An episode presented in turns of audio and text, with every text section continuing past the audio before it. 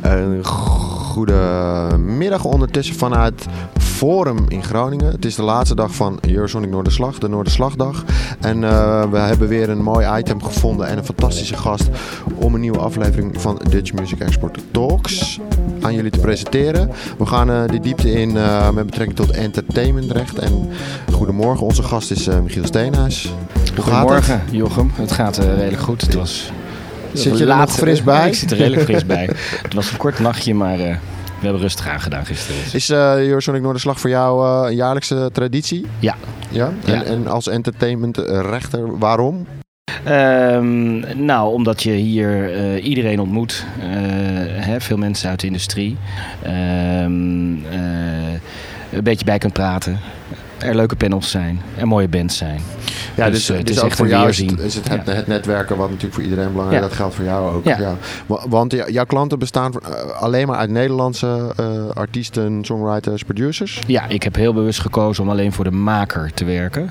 En niet zozeer voor de industrie. Tenzij de maker uh, een eigen niche-labeltje is gestart of dergelijke. En dat, dat reken ik dan hè, tot een do- DIY-achtige, do-it-yourself uh, strategie. Ja, en als je zegt de industrie, dan bedoel je dus de platenmaatschappij, Niet voor majors, publishers. uh, en- publishers Right. nee, nee echt, echt voor de maker. Ja, en, en voordat we erin duiken, kan jij kort uitleggen wat entertainmentrecht nou behelst? Want ik, ik kan me ook goed voorstellen dat veel luisteraars, voor veel luisteraars, het hele rechte stukje, hè, legal Mhm. stuk, altijd een beetje een, een ingewikkelde zaak blijft. Maar Precies. super belangrijk. Ja. Dus, Ja, kijk, entertainmentrecht als zodanig bestaat eigenlijk niet. Hè. We hebben, het is eigenlijk een verzamelterm uh, om, om uh, alle facetten die binnen de entertainmentindustrie spelen te dekken. Dus als je het zou hebben over welk rechtsgebied hoort daar nou echt bij, dan is dat het auteursrecht en de wet op de naburige rechten.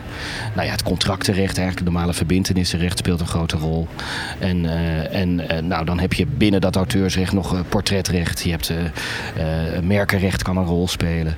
Maar entertainmentrecht is eigenlijk een beetje de vergaarbak geworden van oké, okay, iemand die in, in de entertainment werkt, of dat nou uh, als artiest is, of als kunstenaar, of het kan ook een sporter zijn, hè? of Ja. iemand die in de mode-industrie werkt. Ja, in wezen is dat allemaal toch wel entertainment gelieerd. Mhm. Dus uh, zodoende. Alleen als, het is, er bestaat niet een wetboek entertainmentrecht. nee, maar jij hebt je dan binnen dat entertainmentrecht toch wel gefocust en gespecialiseerd in uh, ja, de artiesten, de Absoluut, absoluut. Ik heb vroeger zelf uh, in bandjes gezongen en uh, net niet doorgebroken, zullen we maar zeggen. Daar zullen we het niet over hebben. En, maar het was wel een hele mooie tijd. En toen ook, ook in mijn eerste vijf jaar in mijn opleiding zeg maar, als advocaat nog altijd ernaast gespeeld.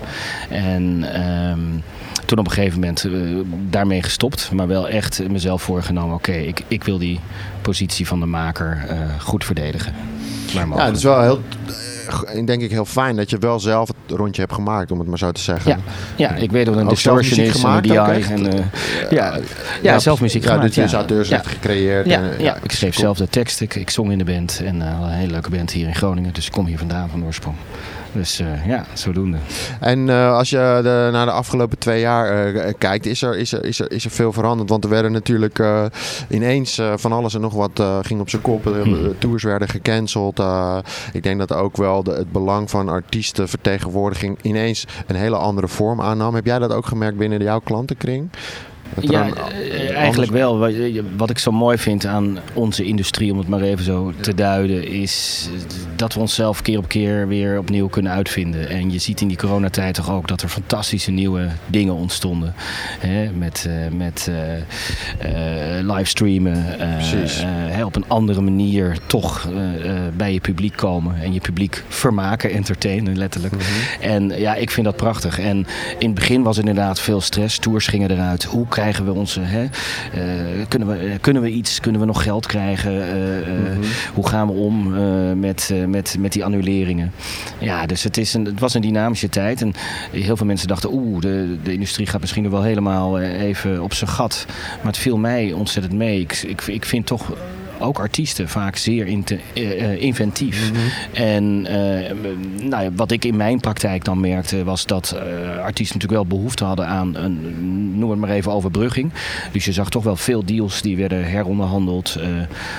ze konden dan bij een publisher, als ze daar zaten, proberen hè, te, te verlengen en dan een extra voorschot te krijgen. Of dus inderdaad alle wettelijke regelingen die er waren, hè, de coronasteunregelingen, die proberen te benutten. En nou ja, zo, zo zijn we er denk ik, uh, met heel wat schrammen natuurlijk, maar best, best heel goed doorgekomen. En, uh, en... Heb, heb jij artiesten ook echt ondersteund bij, bij de, bij de, bij de, bij de ja, laten we het maar noemen, de subsidies die, die, die, die, beschikbaar kwamen? Nee, dat niet, niet zozeer. Of, je ziet toch meestal dat artiesten een manager hebben en, en, en dat die dan daar hè, goed in thuis is en, en, en daarin ondersteunt. Natuurlijk kwam het wel eens aan bod en hadden we daar, hè, kon ik zijdelings wat, wat roepen van je kunt dit of dat. Maar meestal werd het uh, langs die kant gegaan. En ik heb ook het gevoel dat onze beroepsgroep uh, en ook de managers elkaar goed weten te vinden. En elkaar ook helpen wel. Dus het is niet iedereen ons ik, heel gesloten. natuurlijk is iedereen wel protective voor zijn eigen bandje of artiest. Maar de meeste informatie als het dit, om dit soort loketten ging, waar, waar valt er geld te halen, dat, dat, dat werd wel gevonden. Dat werd wel gevonden. Ja. ja. En als je, wat is de range van, jou, van jouw soort, soort, soort klanten die je vertegenwoordigt? Want uh, ik kan me voorstellen dat als uh, een, een, relatief uh, beginnende, startende act bent mm -hmm. en het gaat ineens wat harder en je komt bij je eerste onderhandelingen voor een platencontract en uh, je gaat misschien met een live agent werken, et cetera, et cetera, dat je niet meteen als eerste denkt aan iemand zoals jij, omdat je misschien wel denkt, ja, maar dat kost geld en dat hebben we nu nog niet. maar komen de beginnende acts wel bij jou al terecht? of werk jij alleen maar eigenlijk met de acts die het ook daadwerkelijk ja, toch kunnen betalen en de contracten wat zwaarder worden en de, de deals wat ingewikkelder? Nee, ik, ik merk toch wel dat steeds meer acts eh, ook aan het begin al echt wel nadenken. Zeggen, oh, we gaan iets tekenen. Ik wil dat toch wel weten. Wat teken ik eigenlijk? Uh, leven het internet, zullen we ook maar zeggen. Er is zoveel te vinden ook online. En je merkt toch dat er wat kritischer artiest die, die, die, die ook zijn vak serieus neemt. Want dat vind ik, ik vind het ook een onderdeel. Je moet ook weten waar je... Natuurlijk moet je vooral spelen en liedjes maken. Het is ook belangrijk dat je weet waar, uh, waar, waar, waar verdien ik nou eigenlijk mijn geld mee. En hoe, hoe zit dat nou eigenlijk? En ik merk juist ook door het internet en alle informatie die er te vinden is, dat ze vaak behoorlijk zijn ingelezen al wel. Uh, en, en dan dus ook wel weten van nou, uh, dit gaat mij iets misschien de pet te boven. Ik heb best wel wat geleerd al van die, al, die, al die blogs die er zijn, maar ik, ik wil zo'n overeenkomst wel even laten checken. En dus ik, ja, ik, ik, ik werk van hele startende acts die net beginnen tot, uh, tot de al wat echt gearriveerde act. Ja, dat gaat alle kanten op. en, en zou je kunnen zeggen dat dat misschien ook wel in de nieuwe generatie zit, die gewoon wat meer uh, voor zichzelf opkomen. Is dat ook iets wat je terugziet? Ja, ik denk, die, we hadden het al even over, DIY. Dus echt ja. die do-it-yourself mentaliteit. Die is er natuurlijk ook. De, de independent releases nemen toe. Uh, ja, weet je, de, uh, stel je hebt ooit als gereleased via TuneCore. Op TuneCore heb je gewoon een frequently asked questions. Dan wil je niet weten wat er allemaal op staat. ontzettend veel info is daar te vinden. Ja. En meestal weten ze, weten ze dus ook echt wel waar ze mee bezig zijn. Als je dan echt doorvraagt, hè, is het soms toch wel, vind ik, dat vind ik dan wel weer mooi om te zien.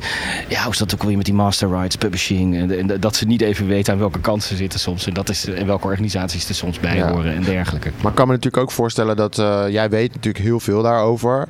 Maar dat is, daar, daar ligt ook een rol voor een manager. Uh, jij bent ja. eigenlijk meer degene die het daadwerkelijk echt controleert.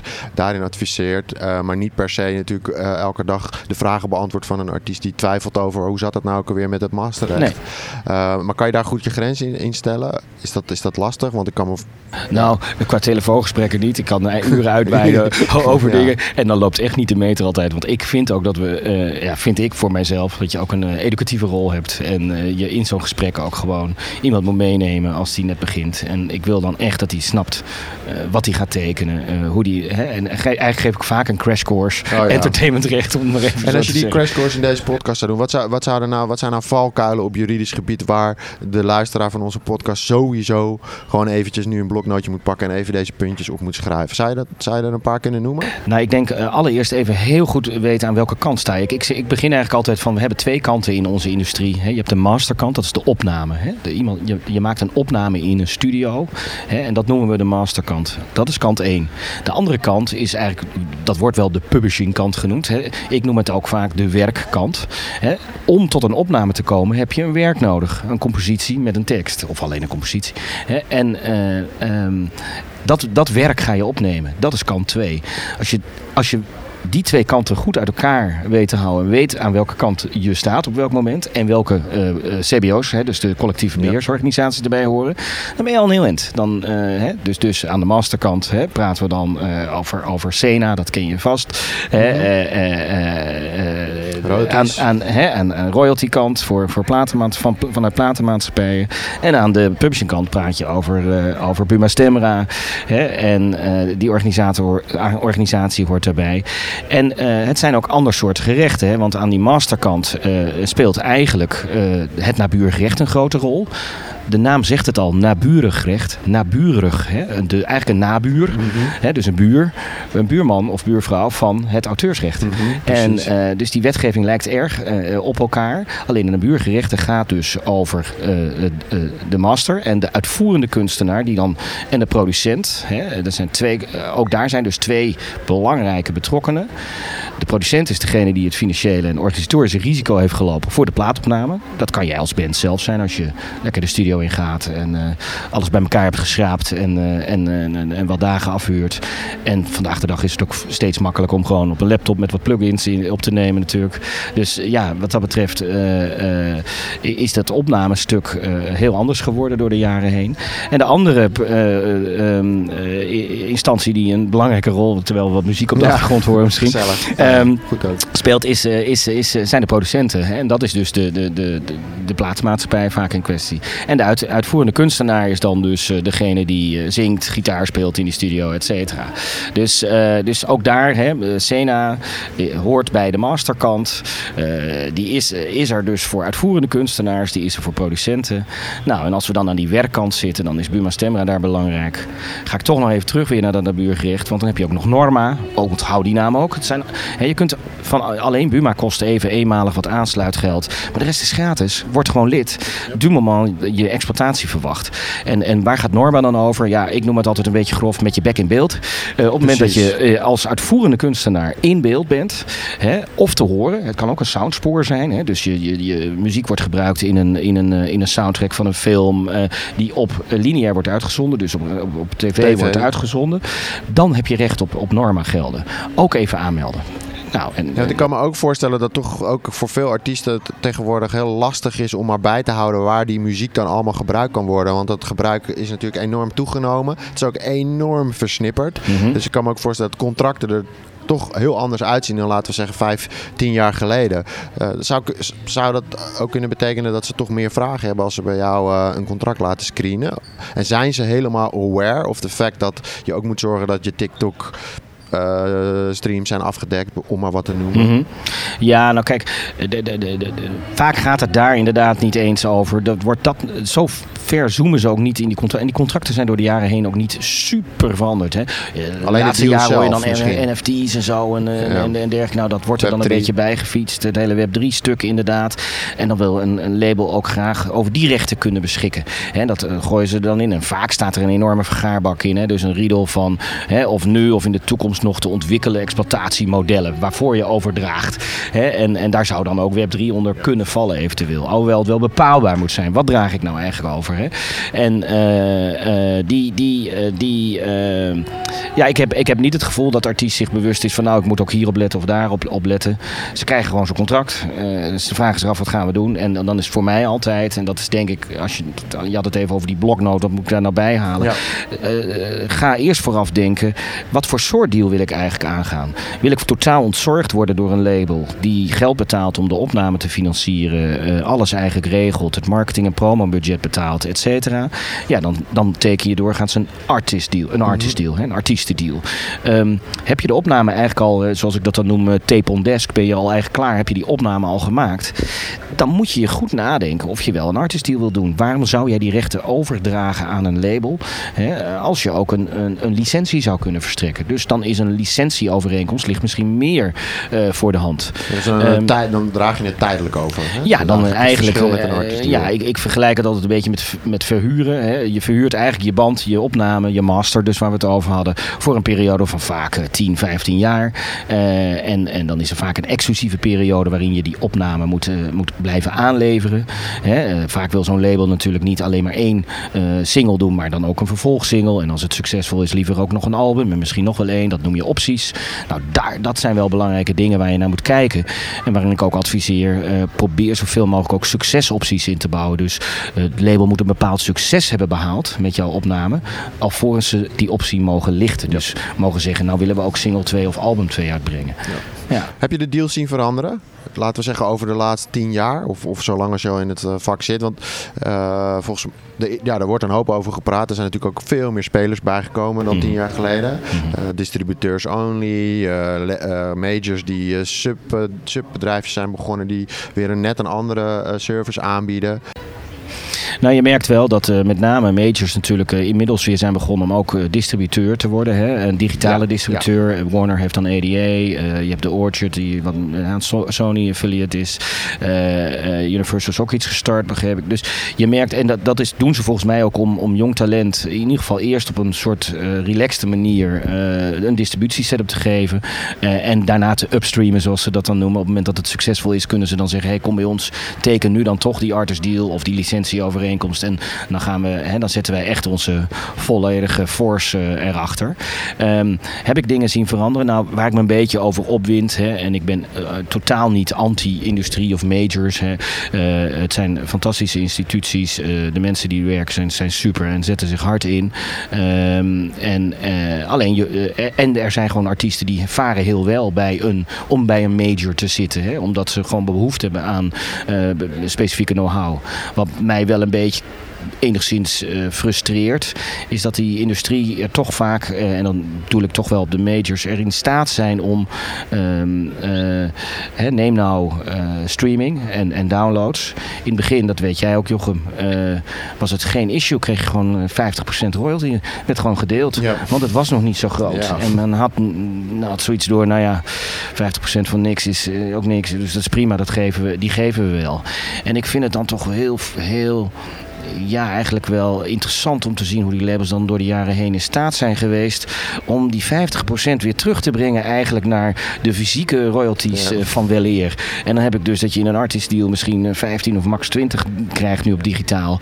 Uh, en in een licentiedeal tussen de 25 en 30 met heel veel cloud misschien uh, 50. En ja, dan denk ik wel oeh, want eigenlijk is het gewoon een doorlicentie. Ze zitten op een zak met rechten. Of ze die nou in licentie hebben verkregen of echt hebben hè, door masters op te nemen.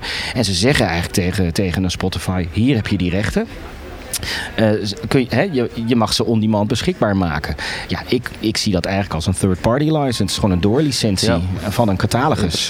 Ja. En, en nou ja, dat zijn dus ook dingen waar je altijd goed op moet letten. Uh, en, en, uh, Nog eigenlijk los van het stuk dat, dat een, een digitale release een heel ander soort workflow behoeft vanuit een major. Er zitten veel minder kosten aan dan wanneer je zoals back in the days je cd of je vinyl moest in een vrachtwagen, moest geperst, moest van het warehouse naar Precies. warehouse distributie zijn grote, grote cashflow in voorraden, et cetera. Dat, dat, is allemaal niet meer. Nee, dus zijn... Eén druk, druk op de knop en het staat wereldwijd online. Right.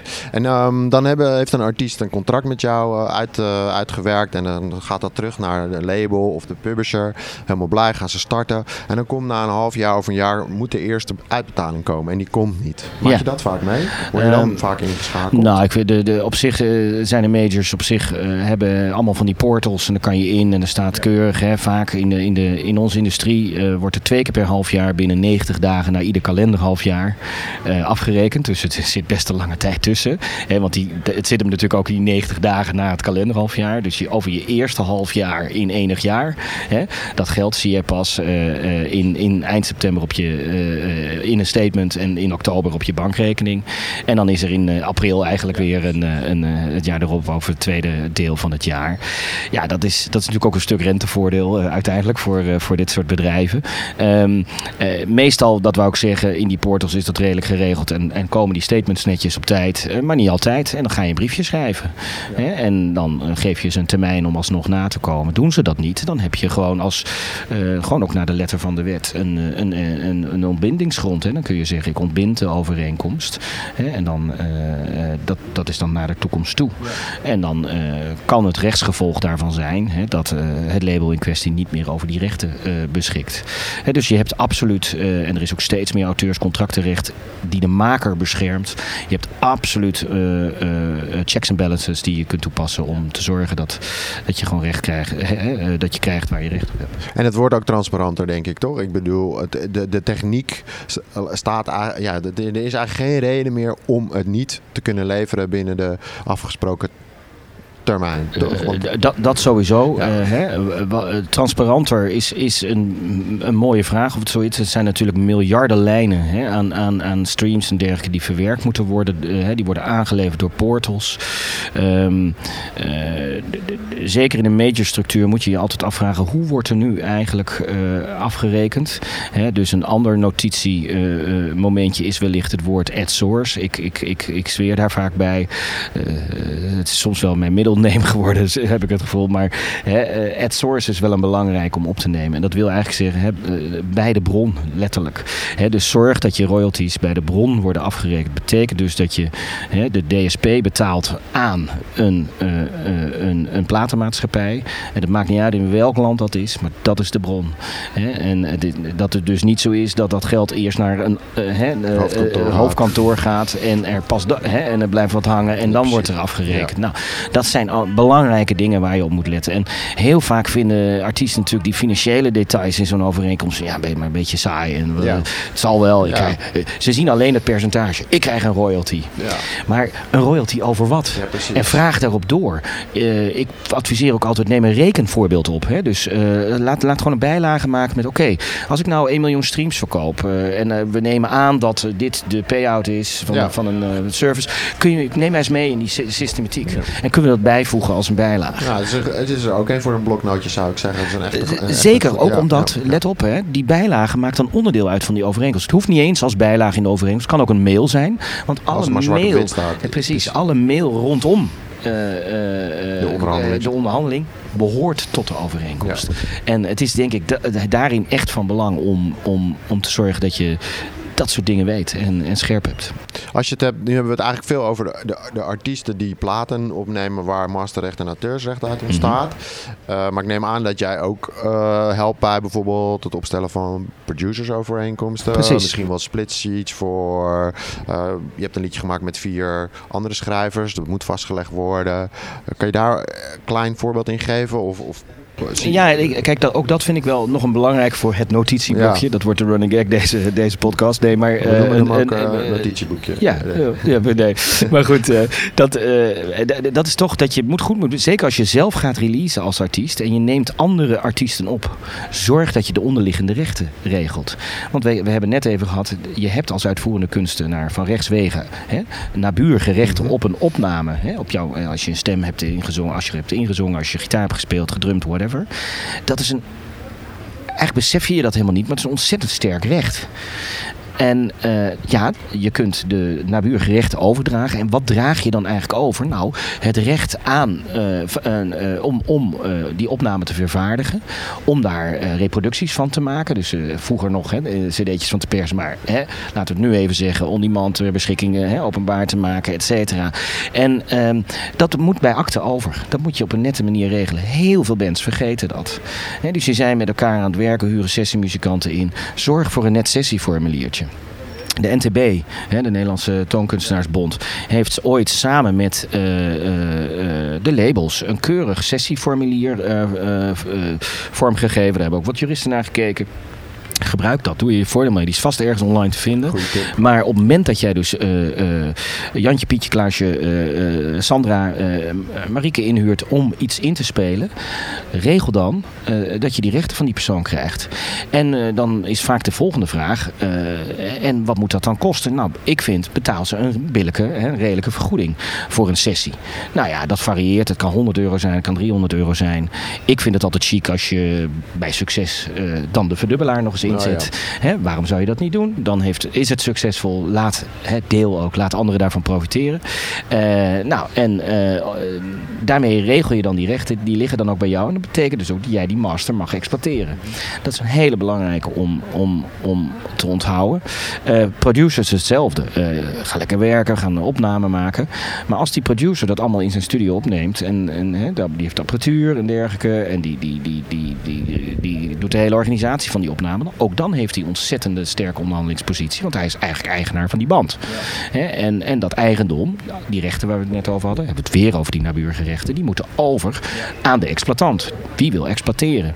Nou, en dat, dat, dat kun je ook in een producersovereenkomst dus goed regelen. Daar kan je punten in afspreken. Een goede tip daarbij. Wat bedoel je met punten? Royalty-punten, sorry. Ja. Dat, dus dat is, uh, sorry, jargon. dus uh, daar krijg je een, een, een gemiddelde producer krijgt tussen, hangt een beetje af van, van zijn status. De onderkant vind ik echt, uh, nou ja, minimaal 2%. Maar dat vind ik erg weinig. Het, tussen de 4 en 6 is echt reëel. En... Um, uh, en dan krijg je dus, uh, probeer ook dan natuurlijk het source af te spreken. Dat is soms wel een hele moeilijke. Meestal ga je mee in producersovereenkomsten in de afrekengrondslag van de artiest. Want die wordt natuurlijk op een bepaalde manier afgerekend. En het zou raar zijn als jij, of raar, maar het zou raar kunnen zijn. althans, dat zegt natuurlijk dan het label, dat jij een andere afrekengrondslag hebt. Soms misschien beter dan de artiest. Dus meestal neem je, vraag je dan op, oké, hoe wordt de artiest afgerekend? Ik wil in ieder geval op diezelfde manier worden afgerekend als producer. En op dezelfde termijnen, et cetera. Nou, en uh, die, die, uh, een tip daar is ook nog. Is toch altijd wel een dingetje voor producers. Uh, gouden en platina platen. Uh, neem het gewoon op. Uh, laat in ieder geval het eerste goud en het eerste platina op kosten van, van het label zijn. Ook dan is er succes. Ik vind het niet meer. Ik, ja, zo zit ik zelf in elkaar dan redelijk. Dat je dan zo'n zo plak, zoals het dan heet, aanbiedt, zo'n award. En ja, dat zal misschien wat kosten voor dat label. Maar het succes is dan ook daar. heel vaak is er, merk ik bij producers dat er daarna ontzettend veel geharrewar ontstaat. Ze willen de ding natuurlijk graag aan de muur hebben. Het is toch uh, mooi. En, en, dan, en dan moeten ze erom leuren. En soms zelfs nog geld betalen om uh, zo'n award te krijgen. Ja. Nou ja, het komt ook echt nog wel voor dat die awards helemaal niet worden gemaakt. Omdat de artiest en of zijn of haar management er bijvoorbeeld wat minder waarde aan hecht. En dan is het voor de producer wel juist uh, weer mooi om op zijn cv te zetten. Ja. Of op zijn social media. Ja. Of, of, of, whatever. Um, nou, ik denk dat je al best wel veel tips geeft. En uh, het bloknootje is al redelijk gevuld. Maar wat zou je een beginnende act die echt professioneel aan de start staat van zijn carrière. Heeft opnames gemaakt, is aan het toeren, heeft een band, heeft misschien wel werk zelfs misschien al met een manager. Mm-hmm. Maar wat, wat, zouden eigenlijk, de, wat zijn de eerste adviezen, uh, als je het even kort zou kunnen samenvatten, die je ze mee zou kunnen geven? Nou, dat is wat minder juridisch, maar meer van financieel aard, maar financiële aard. Dus uh, uh, hoe, hoe ben je georganiseerd? Hè? Wat, heb je een rechtsvorm als band? Ben je een FOF? zit je in een stichting, et cetera? Um, zorg dat je daar goed naar kijkt. Hè? Uh, hoe, hoe, organiseer ik mezelf? Ook als het succes groter wordt. Hè?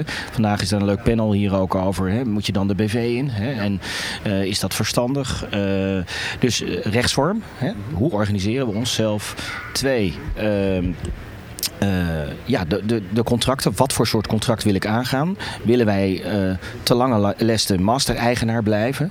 Hè? En ooit hè, uh, puur dus een tijd het recht geven om die master te kunnen exploiteren, maar dan die rechten ook terug. Zodat we, nou ja, je ziet dat toch als een soort pensioen. Je weet, er wordt ontzettend veel gehandeld op dit moment in IP, hè, intellectual property rights, dus masters gaan van de hand. auteursrechten. Hè, auteursrechten worden verhandeld. Hè. Er zijn zelfs beursgenoteerde fondsen opgericht die in, in, in in dat soort uh, rechten handelen. dus het heeft waarde. Dus besef voordat je dat zomaar overdraagt, denk eerst goed na over de vraag: wat voor soort deal zou ik moeten aangaan in dit stadium van mijn carrière? moet dat een klakkeloze overdracht zijn? Moet het licentie zijn? Kan ik beter gaan distribueren? Kan ik beter helemaal zelf doen? een ander punt is welke subsidiepotjes zijn er te vinden? Er zijn zoveel mooie subsidies in ons land, om, om jou als maker te steunen. Soms moet je dan wel matchen. Dat wil zeggen, uh, als je 2000 vraagt, moet je ook 2000 zelf ophoesten. Maar die twee heb je dan mooi in de pocket. Je moet netjes even een verslagje maken. Ja, het is wat werk. Maar het is wel fantastisch geld om mee te werken. Hè? En ik, ik uh, kijk er ook daar goed naar. Ook als management, hè, als je zo'n artiest bijstaat. Wat is, er, wat is er allemaal te halen en te regelen? werk samen. verenig hè, je met elkaar. Hè? word wijzer van elkaar. ik denk dat dat belangrijke tips zijn.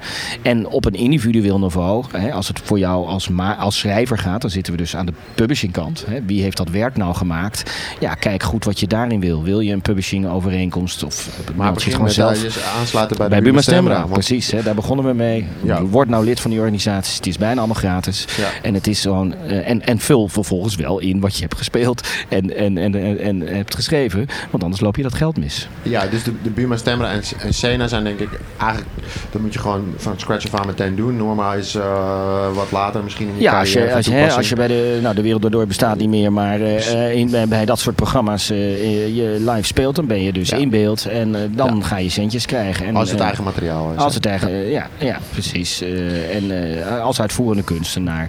Hè? Dus dat is van belang. En Sena is misschien nog wel goed om even misschien bij stil te staan, want jij maakt je volgens mij, jij doet veel ook aan die kant, aan het in- en het collecteren van de Sena rechten, maar die heb je natuurlijk over twee verschillende inkomstenstromen. Ja, wat ik aan het begin al even van de podcast probeerde duidelijk te maken. Hè. Je, hebt de, de, je hebt de producent, die is de hè, eigenaar van de master en heeft dus het financiële organisatorische risico gelopen voor de opname. Die mag het producentendeel claimen. Dus stel er komt 100 euro bij de Sena binnen over hè, openbaarmaking op radio en tv. Dan gaat er 50 naar de uitvoerende kunstenaars. Dat wordt verdeeld onder alle uitvoerende kunstenaars die op die opname een claim hebben. Hè, dus, uh, Gitarist, de drummer. precies. En uh, uh, en de andere 50 eh, euro gaat naar de producent. in een licentiesituatie, heel belangrijk, zie je heel vaak in contracten dat het label probeert om die rechten volledig. Hè, uh, het label staat er dan, claimt het scène-producentendeel.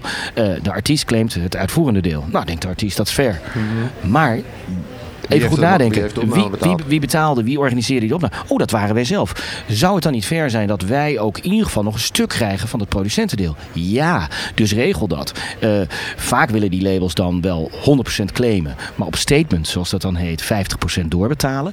Maar regel dat, want je bent zelf, je hebt die investering gedaan. Dus zorg dat je ook aan die kant, want het kan om veel geld gaan. Als het een hit is, dan uh, komt er met name de beginjaren aan Sena ontzettend veel geld binnen. Ja, en dit is dan wel een hit die echt op radio gedraaid moet Precies. worden om aan de Sena-kant. Uh, Lineair radio, tv, veel gebruik. Ja. Hè, dat, dat kan echt uh, aanwassen. Ja, precies. En dat is eigenlijk nog wel een interessant punt, want dan hebben we het over lineair. Dat is radio, televisie, is natuurlijk veel over gesproken, want we kwamen in de do-it-yourself tijd die denk ik een jaar of tien geleden wel echt een soort van opmars maakte. Ja, toen werd streaming werd natuurlijk ook een echt belangrijke inkomstenbron voor artiesten die ook gewoon direct zelf het konden uploaden en konden releasen. Maar ik ervaar in ieder geval nu dat het, ja, er worden zoveel liedjes opgeload per dag.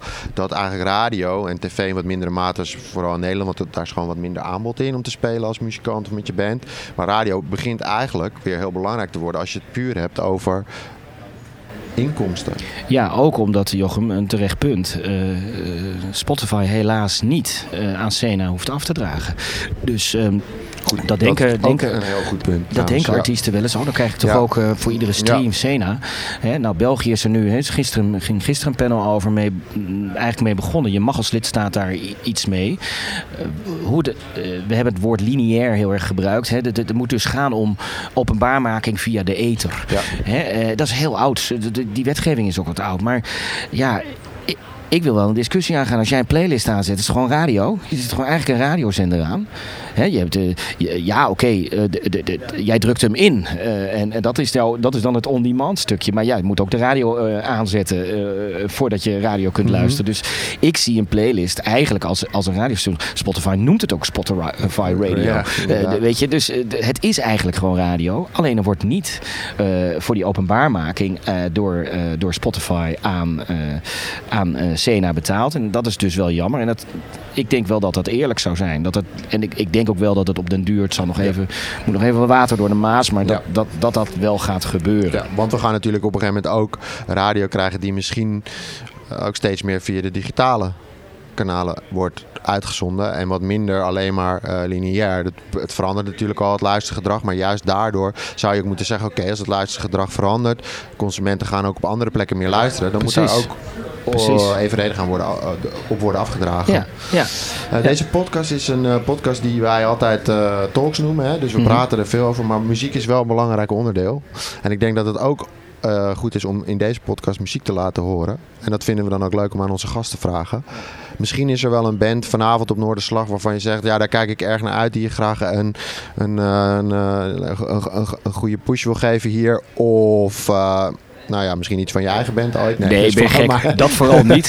Nee, uh, dan, dan zou ik echt een shout-out willen doen uh, voor The Jordan. Uh, ik, Caroline, velen kennen haar natuurlijk als Carol Emerald. Ze is, heeft zichzelf heruitgevonden. Heeft, vind ik, een, een, een, een prachtige plaat gemaakt. En speelde gisteren in de stad Schouwburg vanavond in de Oosterpoort.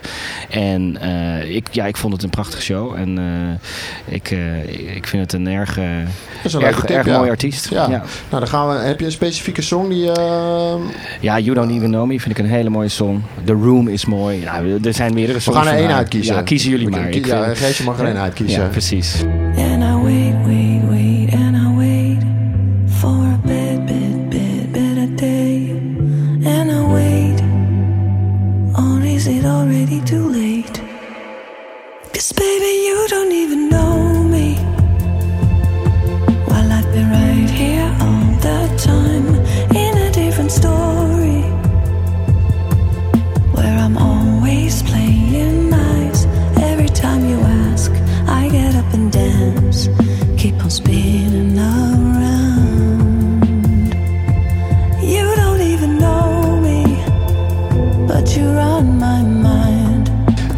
Um, ja, ik, ik denk dat we wel uh, een goede basis hebben voor onze luisteraars om uh, jou nog een keer te bellen.